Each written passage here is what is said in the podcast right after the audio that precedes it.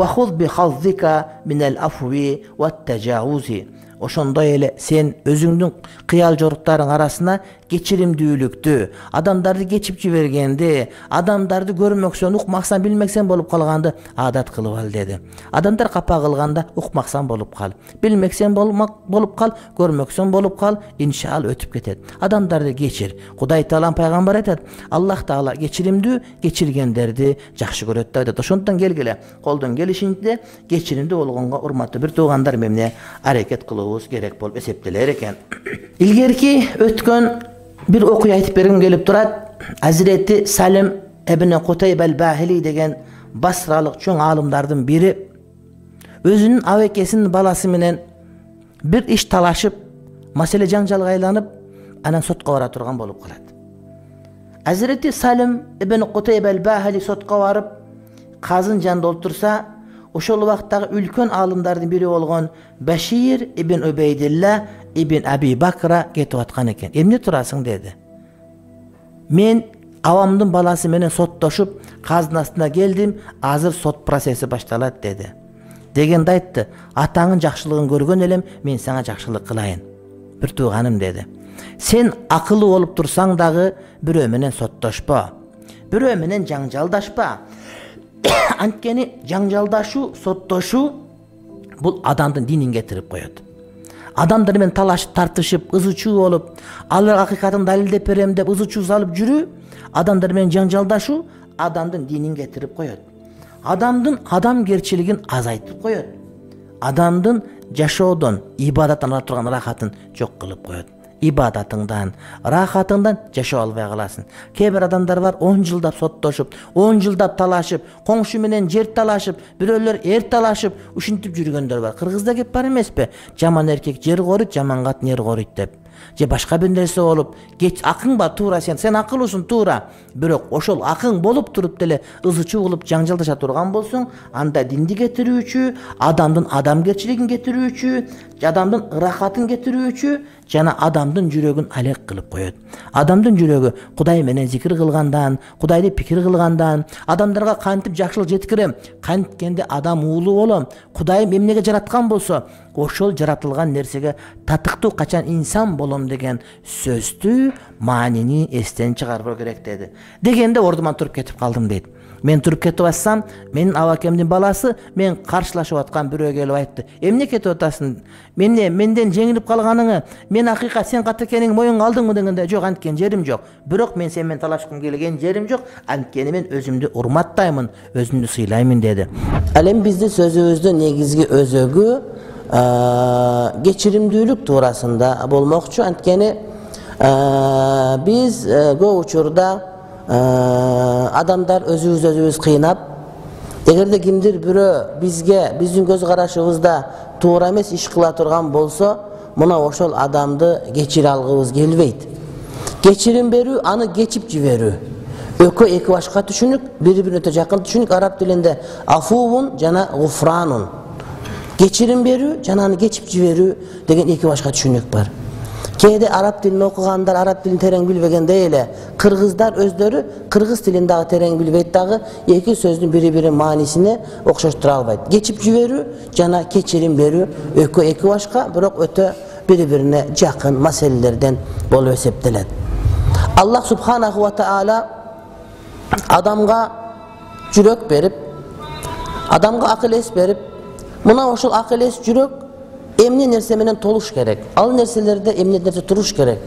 Жүрөктүн ичинде адамдын көңүлүндө акылында башка бирөөдөн өч алуу э, башка бирөөгө жамандык каалоо башка бирөөнү кечирим бербей ошондон өч алуунун э, кесепетин издеп жүрө бере турган болсо мына ушул нерсе ал жүрөккө зулумдук берген болот адамдын акыл эси адамдын күчү адамдын энергиясы адамдын ден соолугу ошондой эле адамдын жүрөгү дагы аманат. Эгерде жүрөктө өч алуу кек сактоо башка бирөөнү жаман көрүү сыяктуу э, бир иштер кала бере турган болсо анда ошол адам өзүнүн жүрөгүнө өзүнүн акыл эсине өзүнүн руханиятына зыян тийгизген болуп эсептелет. Курани каримде ал афу кечип жиберүү жөнүндө жыйырма беш аятта айтылынса бул жөнүндө отуз эки хадис андан сырткары жыйырма сегиз ар кандай аалымдардан айтылынган сөздөр жакшы нерселер келет имам газали өзүнүн деген китебинде айтат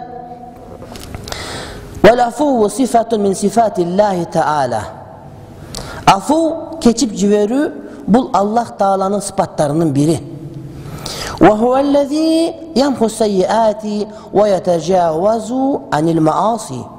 Ал адамдын күнөөлөрүн жууп кетирет жана ошондой эле алардын күнөөлөрүн кечирет. Афуун деген гафур деген аллахтын сыпатына өтө жакын дейт ولكنه أبلغ منه فإن الغفران ينبئ عن الستر والعفو ينبئ عن المحو бирок афуун деген сөз гуфран дегенден дагы тереңирээк маанини камтып алат дейт гуфран күнөөнү жашырып коюу күнөөнү көрбөй коюу боло турган болсо ал эми афу бар күнөөнү өчүрүп жиберүүгө келип жазылат бир адам күнөө кылса күнөөнү орду турат Аны кудайым кечирип жиберген болсо ошол бар күнөөнү жашырып аны көрбөй коет деген сөз. Ал эми афуун деген сөз күнөө бар ошол күнөөнү башоту менен кудай таалам өчүрүп коет деген сөз бар. Демек жанагы кечип жиберүү жана кечирим берүү эки башка маани кечирим берүү анын кылган иши турат аны сен кечирдиң бирок ошол нерсе турат. Ал эми кечип жиберүү ошол нерсе бар нерсе аны жоктой кабыл алуу. Ал бар болчу бирок аны мен жок деп түшүнөм ал жок дейт илгери бир хан өзүнүн акылдуу вазирлеринин бири менен баратып бир аманат кеп айтып акырында эч кимге айтпагын дегенде вазир дароо эле эмнени деп жооп бериптир? Көрдүңөрбү айтып бүтө берем эч кимге айтпагын дегенде жанагыны унутуп калып атат дагы эмнени деп жооп берип атат? Демек бул адам ошону бар нерсени жоктой кылып кабыл алды а башка бирөө сырды айтпайт бирок аны сактап отурат качан ошол убагы келгенге чейин демек сырды сактоо жана ошол бар сырды жоктой кылып көңүлдөн чыгарып жиберүү эки башка маселе болгондой эле ошол кечип жиберүү менен кечирим берүү дагы мына ошондой терең маселе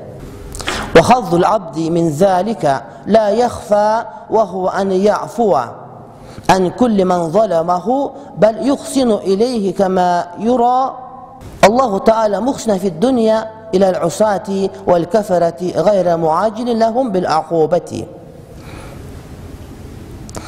эми инсандын мойнундагы милдет инсандын үлүшү аллах тааланын афу кечип жиберүү деген э, сыпатынан үлгү алуу дейт.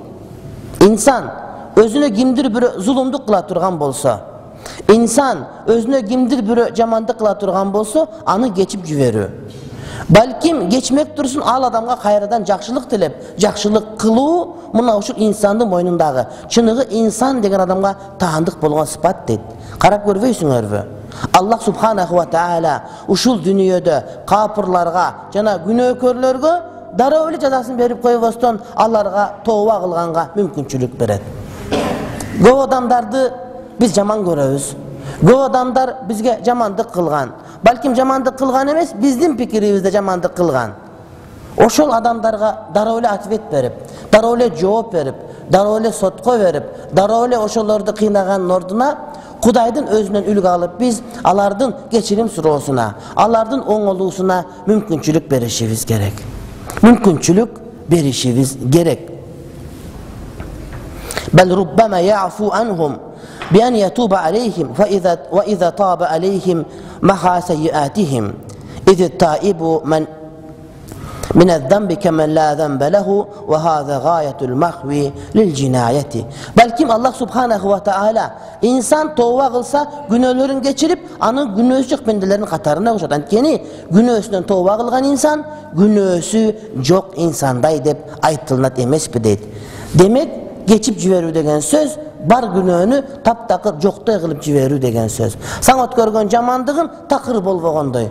Пайдалуу бир учурга чейин сактап калбастан таптакыр аны эстен адамдын башындагы файлдан чыгарып жиберүү демектир